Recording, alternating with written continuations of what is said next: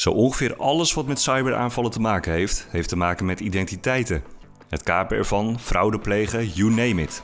Dat zegt Frank van der Hoeven, cloud consultant bij KPN Partner Network. Ja, we gaan het weer hebben over cybersecurity en dan specifiek over identiteitsfraude. Is dat werk verbeteren dan, zul je misschien denken? Ja, eigenlijk wel. Goede veiligheid is natuurlijk een absolute randvoorwaarde om goed te kunnen werken.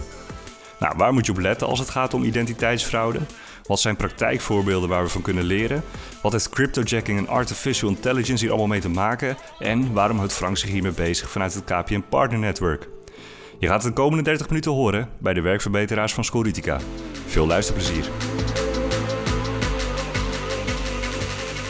Frank, welkom bij de werkverbeteraars. Leuk dat je er bent. Dankjewel, Lennart. Helemaal vanuit, eh, vanuit Hengelo hier naartoe gereden, begreep ik om uh, eens een keer te gast te zijn als werkverbeteraar.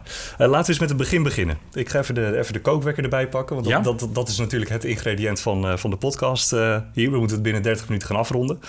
Um, ben je er klaar voor? Ik ben er klaar voor, ja Oké, okay, dan ga ik na het stellen van de eerste vraag op start drukken. En dan hebben we 30 minuten om een leuk gesprek te gaan voeren over identiteitsfraude en cryptojacking. Check. Spannende onderwerpen en daar begin ik ook gelijk even mee. Want als we op jouw LinkedIn kijken, op jouw cv, er staat er Frank van de Hoeven, KPN. Frank, vertel even, wie ben jij en waarom hou jij je vanuit KPN bezig met deze onderwerpen? Frank van der Hoeven, KPN Partner Network. Uh, het woord zegt het eigenlijk al. Wij leveren diensten aan partners. Ik zit hier bij een partner. Ja. Uh, en indirect bedacht ik mij in die, die lange reis hier naartoe... Ja. hebben wij best wel impact op MKB Nederland. Want wij leveren denk ik indirect uh, misschien wel 80% van MKB Nederland. Ja, en dan niet, niet alleen maar, dat heb ik natuurlijk met jouw collega Camille Jans ook over gehad, niet alleen maar telefonie, om het nee, even plat te zeggen. Mijn rol is specifiek cloud consultants. Ja. Uh, en dat betekent eigenlijk stiekem 80% Microsoft. ik moet altijd zeggen dat ik meer portfolio's doe, dat is ook zo, maar wel voornamelijk de focus op, uh, op Microsoft uh, cloud producten. En dan tweeledig, de, de kennisrol en ook de activatierol om te zorgen dat nieuwe diensten goed geïmplementeerd worden door uiteindelijk partners zoals jullie. Dus jij, jij verdiept je volledig in de materie met alles wat te maken heeft met Microsoft en alles wat te maken heeft met cloud eigenlijk. Uh, om ervoor te zorgen dat dan de partners binnen het MKB dat ook weer goed kunnen ja, vertellen aan ja, de klant. Om het, eh, gisteren iets gemaakt over Power BI licenties, totaal ander onderwerp. Maar dat, is, dat is best wel ingewikkeld uh, als je niet weet hoe het zit. En om hem dan in essentie terug te brengen, weer tot zijn eenvoud, ja, dan is het weer eenvoudig. Nou, zo proberen we ook eigenlijk alle security diensten, uh, alle cloud diensten zo eenvoudig mogelijk. Want er gebeurt heel veel mm en het gaat heel snel. Om dat in de essentie dan weer terug te brengen. Zodat jullie dat zo effectief mogelijk bij klanten kunnen neerzetten. Ja, dus jij bent als het ware ook een gids in het rijke scala aan kunnen noemen, ja. innovaties wat plaatsvindt. Ja. Um, en dat is natuurlijk heel positief, hè, innovaties. En we hebben ook een iets minder positieve kant, namelijk de dreigingen die daar, uh, die daar tegenover staan. Uh, en ik heb toch wel het idee, als ik jou volg, dan is het toch ook een soort specialiteit voor jou. Hè? Om, om te kijken van waar zitten de dreigingen, hoe moeten we daarop reageren? Ja, nou kijk, alles is een golfbeweging. Je zou kunnen zeggen, je moet nu op AI zitten. Dat is de nieuwe wave. Maar er is een golf die nog steeds groter is. Uh, ik heb ook uh, speciaal voor jou en voor, voor de rest wat kengetallen opgehaald. Misschien, Lennart, om daarmee te beginnen. Ja? Heb jij een idee in 2025 de financiële omvang van cybercrime wereldwijd in dollars? Heb je een bedrag in gedachten? Ja, ik moet jou de vraag stellen, hè? Niet, eigenlijk niet andersom. Um, nou, je maakt het me moeilijk. Ja. Um, ik moet zomaar wat gaan roepen. Uh, hebben het Alles is goed? We hebben het over miljarden, neem ik aan. Uh, ja, noem eens iets, uh, 100 miljard. 10,5 biljoen. Dat is 10.500 miljard dollar ja. aan schade. Dus dat is iets meer dan ik had gegooid. Ja, ja best wel serieus. Uh, ja. Weet je, en het is dichterbij dan iedereen denkt. Uh, mijn zoon van 12 uh, op gymnasium, zeer recentelijk gehackt. Twee weken lang lagen alle systemen plat. En die hebben uiteindelijk gewoon betaald omdat ze waarschijnlijk niet, zoals een partner door jullie, de IT goed op orde hadden. Want anders hadden ze niet betaald. Dus het is, weet je, het is best wel een serieus uh, onderwerp. En, uh, en, dat is dan gewoon een voorbeeld natuurlijk. Dat is ja. een, een, zeer recent uh, voorbeeld. Notabene in mijn privékring heel dichtbij. Ja. En je ziet eigenlijk security, en klopt wat je zei, ik ben daar het laatste half jaar nogal actief mee bezig, omdat dit een ja, zeer actueel onderwerp is. Uh, en ja, de, de, de ene kant negatief is de bedreiging. Ja. De positieve kant is, en die is ook hier bij jullie aanwezig, uh, ik denk aan een blog van een zekere Davy. Je kan het heel makkelijk mitigeren, is zo'n mooi woord, oplossen en die bedreiging zorgen dat die jou niet gaan raken. Ja, nou daar gaan we het zo meteen over hebben. Dus het echt tastbaar maken van wat kunnen we daar nou ja. uh, vandaag of morgen al mee om dat te minimaliseren. Ik moet je ook eerlijk bekennen, toen wij elkaar spraken van, hè, ik zal eerlijk zeggen, het hing al een beetje in de lucht dat wij denk ik een keertje met elkaar met de microfoon ja. een gesprek gingen voeren. En de vraag was alleen nog waarover. En dan kwam toch natuurlijk weer cybersecurity om de hoek kijken. Toen dacht ik, ja, cybersecurity, dat is al vaak besproken. Alleen toen noemde jij twee onderwerpen die heel relevant zijn vandaag de dag. Namelijk identiteitsfraude en eigenlijk een soort voortvloeisel eruit cryptojacking. En toen dacht ik, ja, daar moeten we het dan toch over gaan hebben. Want waarom eigenlijk? Wa waarom zijn dit nu twee topics waar jij mee bezig gaat? Uiteindelijk, uh, ik heb natuurlijk ook, om zelf even in te leven, een paar podcasts uh, teruggeluisterd. Ja. Uh, en dan heb je het over de effecten ervan. Je hebt het heel vaak snel over techniek, over beveiligingsmaatregelen. Maar in essentie, en dan komt hier weer die gids vanuit de essentie denken, gaat het iedere keer over identiteitsfraude. Ja. Okay. Uh, en nou, denk aan jou persoonlijk. Als ik nu jouw identiteit aan kan nemen, dan denk je, ja, weet je, nou prima, boeien. Uh, maar nu ben jij CEO van uh, Fast Forward over tien jaar van een grote club. Uh, en nou ga ik met jouw stem, exact, niet half jouw stem, nee, exact jouw stem. Uh, met AI kan dat nu. Ja. Voice cloning. Uh, ga ik opdracht geven? Ja, maak even 10k over. Nou, dat, dat, dat, kan nu al zo realistisch dat je mensen voor de gek kunt houden. Ja. ja ik, okay. Van jou is voldoende materiaal beschikbaar om AI te leer, laten leren. Heel veel dus, materiaal, ja, op deze veel, manier. Ja. Precies, dus weet je, alle trucjes, intonaties. Uh, ja, en datzelfde geldt voor beeld. Hè, denk aan, die heb je ook gezien, Trump die al een tijd terug ja. gevangen genomen was. Dus identiteit is iedere keer, als je ook kijkt naar alle hacks, ga ik zo nog iets over vertellen. Maar in essentie gaat het altijd over identiteit. Identiteit die gecompromised wordt. Uh, CEO-fraude, dan gaat het echt om de persoon. Maar vaak via een identiteit. Uh, jouw identiteit hier bij Score Utica, Lennart, als het Score Utica. Mm -hmm. Als ik die entiteit kan kapen, dan ben ik binnen. Ja. En als ik dan daarna mezelf kan elevaten, oftewel meer rechten kan uh, toe-eigenen, dan ben ik opeens de admin van ja. Score Utica. Ja, en dan wordt het interessant. Dan, Voor mij als ja, hacker. Ja, precies. Dan, dan ben je binnen en dan kun je dingen gaan doen. Stelen, gijzelen. Nou ja, want dan kom je, daar komen we straks nog op terug inderdaad. Uh, dan ga je of de boel op slot zetten. Uh, of je gaat op een andere manier geld verdienen. Iets met cryptojacking. Ja. Maar uiteindelijk is de, de aanvalsmethodiek is iedere keer hetzelfde. Ja, dus als we het hebben over, over phishing, ransomware, dat, komt allemaal, dat, dat heeft allemaal te maken uiteindelijk met dat je iets doet met de identiteit van. Waarvoor doen mensen dat? Uh, waarvoor doen hackers dat? Meest lucratieve tak van sport. Alleen aan de verkeerde kant. Hè? Want het is illegaal. Maar mm. uh, je zou haast denken dat het een legitieme business is. Uh, uiteindelijk om een identiteit te kapen, te breachen. Ja, ja. He, dus de, de, de aanvalsmethodiek uh, is eigenlijk ook iedere keer hetzelfde. Via een, een zwakheid komen mensen binnen.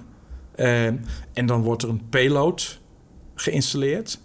En vanuit die payload wordt er een aanval gedaan. En proberen ze een identity te kapen. Ja, en vanuit die identity proberen ze hogere rechten te krijgen... om een admin-account uh, uiteindelijk te compromissen. Ja, en dan... Als dat bijvoorbeeld een Scoitica-omgeving is, ja, dan ga ik als hacker na een weekje snuffelen of misschien na een maandje snuffelen. Denk ik, nou, ik heb alles in scope. En nu ga ik de boel op slot zetten. Ja, en, en dan ga ik geld vragen. Dan begint het feest. Voor de, dan, dan voor, begint het feest. Voor de dus, uh, ja. ja. En weet je, van de week, toen ik me natuurlijk stiekem een klein beetje aan het voorbereiden was, uh, dacht ik, hey, ik heb voor Lennart een paar leuke quotes. uh, Oké. Okay. En we gaan even terug in de tijd. Ja. niet te veel vragen, maar ik heb er nog één voor je. Heb je enig idee hoe lang mensen al gebruik maken van wachtwoorden? Um, in de letterlijke zin van In de letterlijke het, zin woord. van... Nou, dat zal honderden jaren zijn dan, denk ik. Maakt er duizenden jaren van. Oké, Eh, ja. Als je dan teruggaat, je kijkt op Wikipedia, daar kom je dan op terecht. Dan Ja. zie je 226 jaar voor Christus. De Romeinen maakten al gebruik van wachtwoorden. Ja, om toegang te Ja. krijgen tot vestigingen, huizen. Letterlijk het woord een wachtwoord. Ja. Ik bedoel, nou, we zijn nu anno 2023 en we maken nog steeds gebruik van wachtwoorden. Ja, ja. Dus het, is letterlijk laat- een bijna een prehistorisch Juist. eh, concept. Ja. En laat nou net de grootste kwetsbaarheid op een IT-omgeving alles te maken hebben met dat wachtwoord. ja. En is het nog nodig om een wachtwoord te gebruiken? Nee, het is volkomen overbodig. Dus ik denk één van de belangrijke eh, oproepen is: stop met wachtwoorden. Ja, maar dit- op het moment dat jij dat zegt, dan denk ik inderdaad ook, waarschijnlijk net hoe jij het inleidde, alles wat we vandaag doen met accounts, et cetera, dat heeft te maken met een wachtwoord. Hè, waar je ook maar inlogt of ergens iets wil bestellen, het begint allemaal met een wachtwoord. En jij zegt nu, we moeten daarmee stoppen. Klopt? Nou, Ja. vertel. En, eh, en we sterker nog, doen? eh, een collega van jou heeft daar zeer recentelijk Ja. eh, een fantastisch mooie blog over geschreven. Ja. eh, waar die ook in uitlegt: je kan vandaag aan de dag als gebruiker, jullie gebruikers, eh, jullie klanten, probleemloos, helemaal zonder wachtwoord inloggen. Ja, ja. Nou, en dan nog, nog twee andere, want ik, ik had er meer. Dit was, ik had jou een vraag gesteld, maar twee quotes. Eh Brett Arsenault, dat is de CISO van Microsoft. ja. Die heeft een hele mooie quote, heeft meerdere quotes, maar een van zijn quotes is: hackers die breken niet in, maar hackers die loggen in. Nou, dan snap je al waar het naartoe gaat. Ja. Eh, met jou. Inlogcredentials, of die van Niels of van iemand anders. Tweede quote: een password heeft alleen maar zin als het langer is dan 12 karakters en nooit eerder gebruikt is. Je gebruikt een paswoord altijd. eh, dus eigenlijk ook een bevestiging. Passwords zijn volkomen nutteloos om je te verdedigen tegen een aanval van een hacker. Ja, nu, nu zijn jij en ik natuurlijk daar ons er heel erg bewust van. Dus wij gebruiken alleen maar twaalf verschillende nieuwe wachtwoorden elke keer. Hè, toch? Dan nog steeds, eh, zodra je hem voor de eerste keer gebruikt, is daarna, als je gebreached wordt, is een wachtwoord qua verdediging volkomen nutteloos. Ja, maar ik, ik weet inderdaad, hè, we moeten die blog denk ik even in de show notes zetten waar je het over hebt. eh, over passwordless inloggen. Ik weet dat de mogelijkheden er zijn, maar even de vraag aan jou. ehm, als ik het zo hoor, dan kan ik er ook een beetje moedeloos van worden, denk ik. Alles in de wereld is geënt op wachtwoorden, wachtwoordengebruik. De mogelijkheden zijn er om dat eigenlijk los te laten voor een veiliger idee. Waar beginnen we? Bij je IT-leverancier, eh, door daar die vraag te gaan stellen en zeggen: joh, hey, eh, waarvoor heb ik nog wachtwoorden nodig? En eh, is mijn security nog op orde? Want dat is natuurlijk wel de rode draad. Hè, een aantal van jouw podcast, eh, iedere keer terug. Wat kun je doen als klant, redelijkerwijs, om jezelf te beschermen Ja. tegen al deze ellende? Want je wordt er niet blij van. Het kost heel veel geld. Je bedrijf ligt een aantal weken op slot. Je kan er failliet aan gaan. Dus dat zijn allemaal zaken. eh, ja, nou, hoeveel triggers heb je nodig? Gaan we het ook nog over hebben, volgens mij. Ja. Om überhaupt te voorkomen Ja. dat je in dat soort scenario's terechtkomt. En het mooie is, eh, ik heb het vanochtend nog een kwartiertje gedaan. Heb ik mijn laptop even weer vriendelijk gedag gezegd. Er zijn hele moderne inlogmethodieken. Windows Hello for Business. Voor mijzelf persoonlijk eh, de meest makkelijke. Eh, ik kijk naar mijn laptop. Ondertussen merk ik niks van, maar zit er een cryptografisch geheim in mijn laptop. Dat is de eerste vorm van authenticatie, van hè, bewijzen dat ik het ben. En mijn gezicht Ja? als tweede, daarmee log ik eigenlijk zonder dat ik iets hoef te doen. Want ik was bezig koffie aan het drinken. Volledig automatisch, veilig in. En ook nog, je noemde het woord net al, op een phishing-resistente manier. Want dat is natuurlijk wat er vaak gebeurt. Eh, ja, die hacker moet die payload installeren. Dat is fase 1 van de breach. Ja, nog even, voor, even voor, de, voor de leek, zoals ik. Ja. Wat, wat, wat bedoel je met een payload? Een payload is malicious code, kwaadaardige code, die, ik zie jouw laptop daar staan, op jouw laptop geïnstalleerd moet worden. Ja, Eh, en als ik die payload als hacker geïnstalleerd heb, dan zoek ik contact met het basisstation, command en control center. En dan kan, heb ik controle op afstand op die, over die payload. En dan kan ik kijken of ik bijvoorbeeld jouw account kan hacken. Want dan zit ik al op jouw laptop. En jij hebt gewoon gebruikersnaam wachtwoord, even aanname. Uh, of je hebt een niet-phishing resistente, nou wordt die spannend. MFA-methode, waarvan je denkt, ik ben veilig, want ik gebruik de Microsoft Authenticator. Maar als je daar niet het nummertje aan hebt staan, uh, dan kon je dat verkort. Microsoft heeft dat nummer nu standaard voor iedereen uh, aangezet. Maar dan kon je dat verkort nog steeds als hacker naar binnen. Want dan had ik ook jouw MFA-token. Ja. Want ik zat al immers op jouw laptop. Ja, best wel eng. En als je dan Windows Hello voor Business zou gebruiken, was je daar niet kwetsbaar voor. Nee, dat is even een heel concreet voorbeeld van hoe je, hoe je daar veilig mee om kunt gaan. Een veilige toepassing die heel toegankelijk is ook voor Klopt, mensen. Ja. ja. Oké, hey, um, het begint denk ik toch uiteindelijk wel. Er zijn inderdaad heel veel triggers, wat je net zelf ook al noemde. Um, hoe kun je nou signaleren bij jezelf van... oké, ik gebruik een wachtwoord, maar er is nog meer werk aan de winkel? Welke, welke spiegel moet je jezelf voorhouden? Nou ja, als, als klant eigenlijk wat ik net aangaf, is heel makkelijk te onthouden. Als je nog ergens een keer een wachtwoord in moet geven, dan zou je aan je IT-leverancier de vraag kunnen stellen: joh, maar ik wil dat niet meer, want ik hoor van iedereen. Van Frank van Hoeven. Zeer recentelijk nog een podcast gehoord dat we daar echt mee moeten stoppen. En het fijne is, ik sta daar niet alleen in, want dit is ook de missie die Microsoft, diezelfde Brett Arsenal, heeft dat als persoonlijke missie gesteld om te zorgen dat we zo snel mogelijk naar een passwordless wereld toe gaan. Ja. Uh, ja, en daar begint het. Als, als klant, uh, en dan krijg je dezelfde discussie als... haal ik nou bij de supermarkt uh, gewoon een plofkip... of ik haal een biologische kip. Ja, die laatste is vaak nog iets duurder. Mm -hmm. je, je, moet als klant dan wel ook de bereidheid hebben... om natuurlijk überhaupt in security te willen investeren. En security ja. is onzichtbaar. Zie het als een brandverzekering. Pas wanneer je huis in de fik staat, dan denk je... nou, heel vervelend, maar fijn dat ik toch nog een verzekering heb. Ja. Dan kan ik in ieder geval een nieuw huis bouwen. Ja, en het rekensommetje is natuurlijk snel gemaakt, hè? Het kiezen tussen de investering in de oplossing of het ja. risico van de, van de aanval. Klopt. Ja, maar dus het, ik denk het begint echt bij de klant. Uh, wees kritisch op jezelf. Uh, ja. En vraag ook die, stel de vraag aan de leverancier van joh, hey, uh, jullie doen bij ons de IT. In dit geval Score Utica. Bewijs mij is dat ik dat goed voor elkaar heb. Want uiteindelijk, als het misgaat, dan komen we ook op een keten. Het woordje keten ga ik zo nog even in een andere context plaatsen. Iets met NIS 2, uh, waar ook een ketenverantwoordelijkheid is, waar de overheid uh, het nodige van gaat zeggen. Maar -hmm. uiteindelijk, als het fout gaat bij een klant die jullie beheren, dan zal die klant zeggen: Ja, maar Niels, of in dit geval Lennart, ik dacht toch dat we het voor elkaar hadden. Ja. dus het, het, begint bij de klant. Wees heel erg kritisch en stel je IT-leverancier de kritische vragen. En de bewijslast ligt dan in dit geval bij jullie. Ja, toon maar aan dat de zaken voor elkaar zijn. Ja.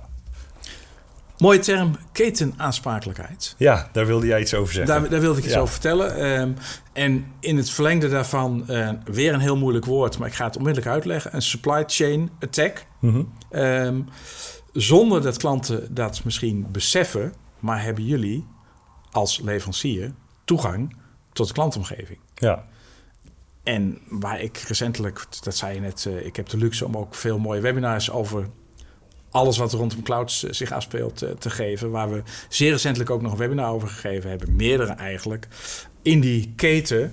Ja, als ik hacker ben, dan vind ik de admin-accounts van Score Utica... die vind ik razend interessant. -hmm. Want dat geeft mij toegang niet tot één klantomgeving...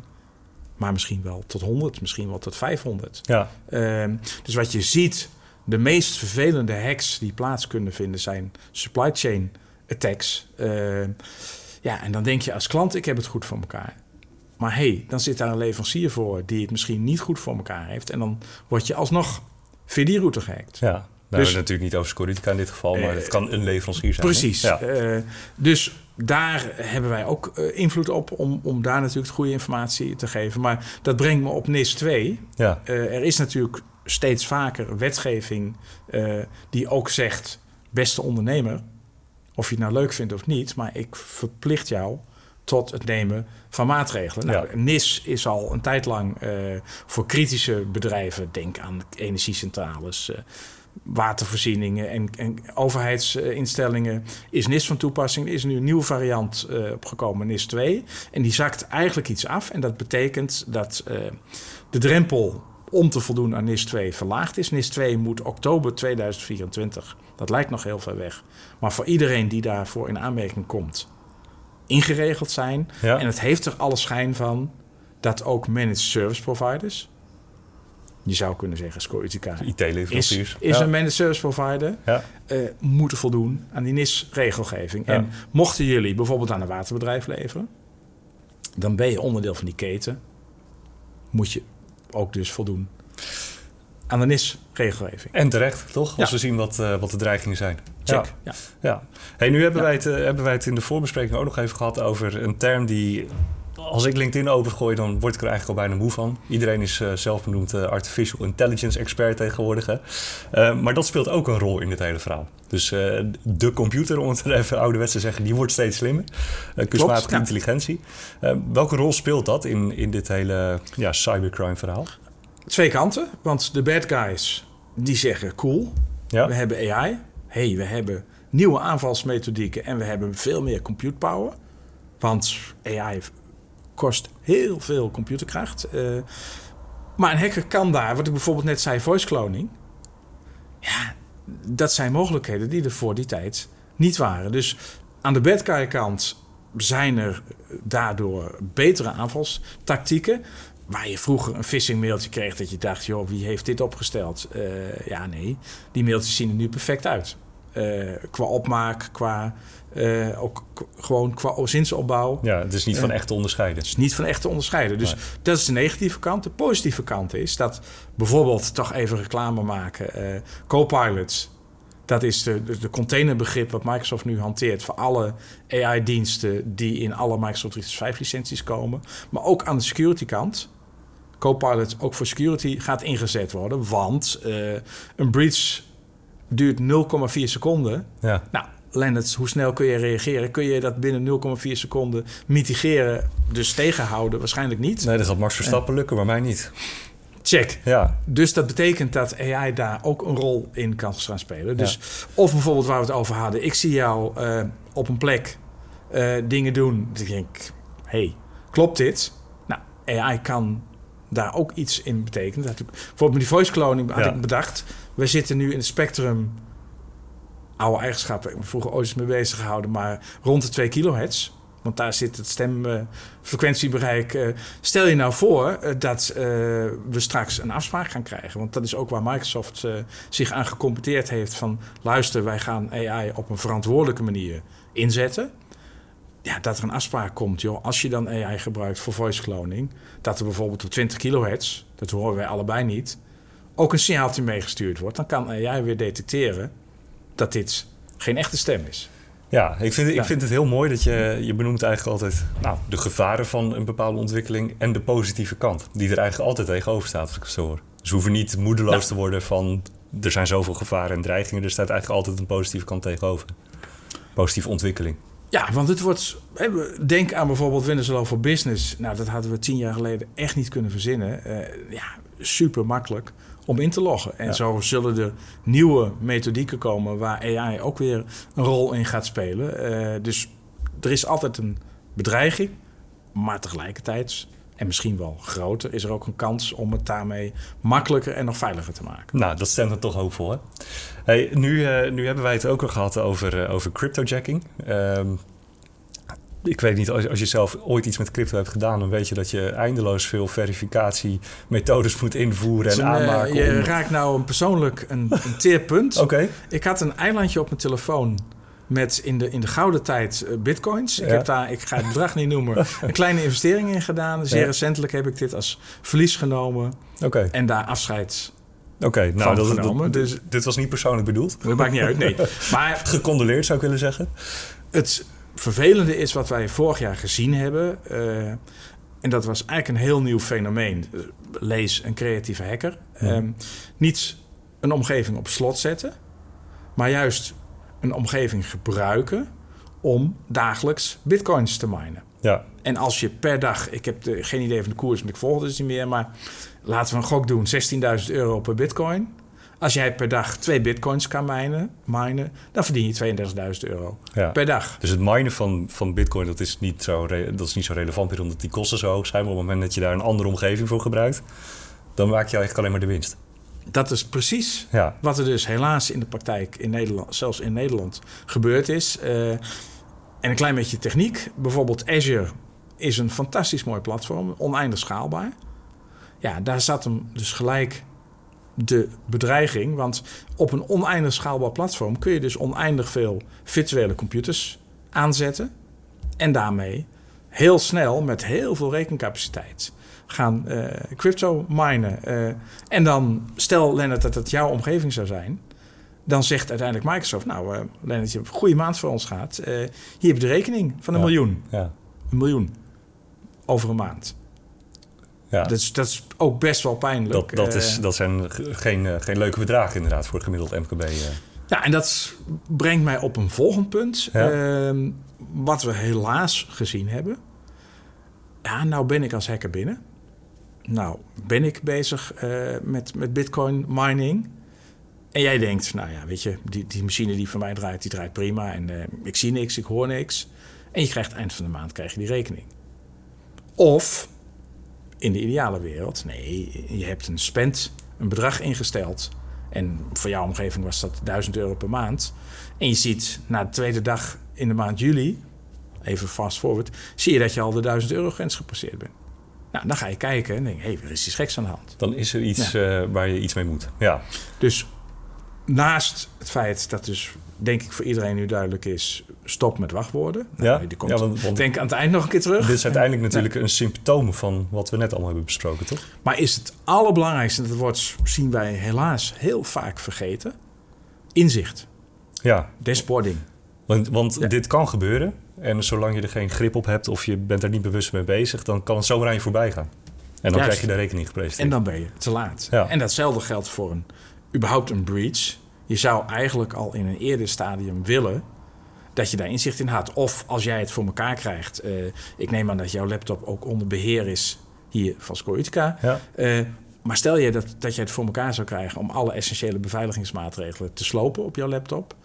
Ja, dan zou er hier ergens een alarmbel af moeten gaan, bijna real-time.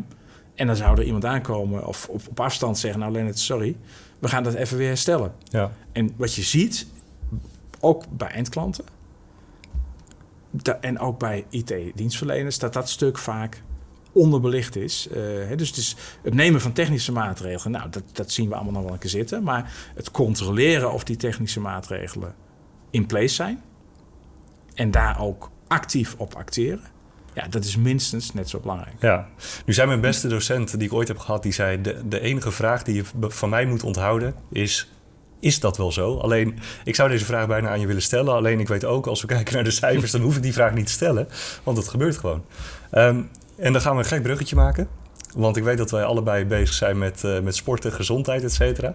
Klopt? Ehm, En dat heeft heel erg te maken met, met gedrag. Hè? Met hoe je ermee omgaat om, om een uiteindelijke gedragsverandering teweeg te brengen. Om gezonder te leven, om consistent te sporten, et cetera. Nu heb jij dat net genoemd. Dus ik dacht, nou, laten we dit nou aangrijpen als een soort eh, metafoor. Zou jij op basis van sporten of gezondheid, je mag het zelf invullen, kunnen schetsen wat er nou moet gebeuren in het gedrag van ondernemend slash werkend Nederland om hier wel goed mee om te gaan? Ja. Want je noemt hetzelfde dat de grootste valkuil is, toch? Het gedrag. Nou, klopt. Nou, dat is, toen wij elkaar eh, volgens mij al een tijdje terug in Ede spraken, kwam dit ook naar voren. Want we zijn allebei, denk ik, redelijk enthousiast. En met ons sport, maar ook met dit topic eh, bezig. En eh, ja, toen had ik het met jou over motivatie en discipline. Ja, Ehm, en je zou kunnen zeggen, en dan komt al heel snel het woordje moet naar voren. Ja, je moet dit, je moet dat. Nou, dat, ook bij mij persoonlijk, dat werkt niet. daar haken we af. Ja. Als ik gewoon denk van, hé, hey, eh, zondagochtend, laat ik het even recent pakken. Eh, het werd een hele warme dag. Zondagochtend, qua bioritme, zit ik op mijn dieptepunt. Dus ik denk, ik ga gewoon vanuit motivatie half acht 's ochtends hardlopen. ja, Want, hé, hey, dan is het nog niet zo warm, het is functioneel. Maar B, door dat hardlopen gaat het met mijn stofwisseling veel beter. De kilo's blijven onder controle. Ik ben veel gezonder. Dus mijn motivatie is om dan op het slechtste moment van de week toch vroeg mijn bed uit te gaan. Ik denk, er zit een heel positief bijeffect in. Als je dat weer vertaalt naar ondernemers. Mhm. ehm, als je security gewoon serieus neemt, blijft je bedrijf in business.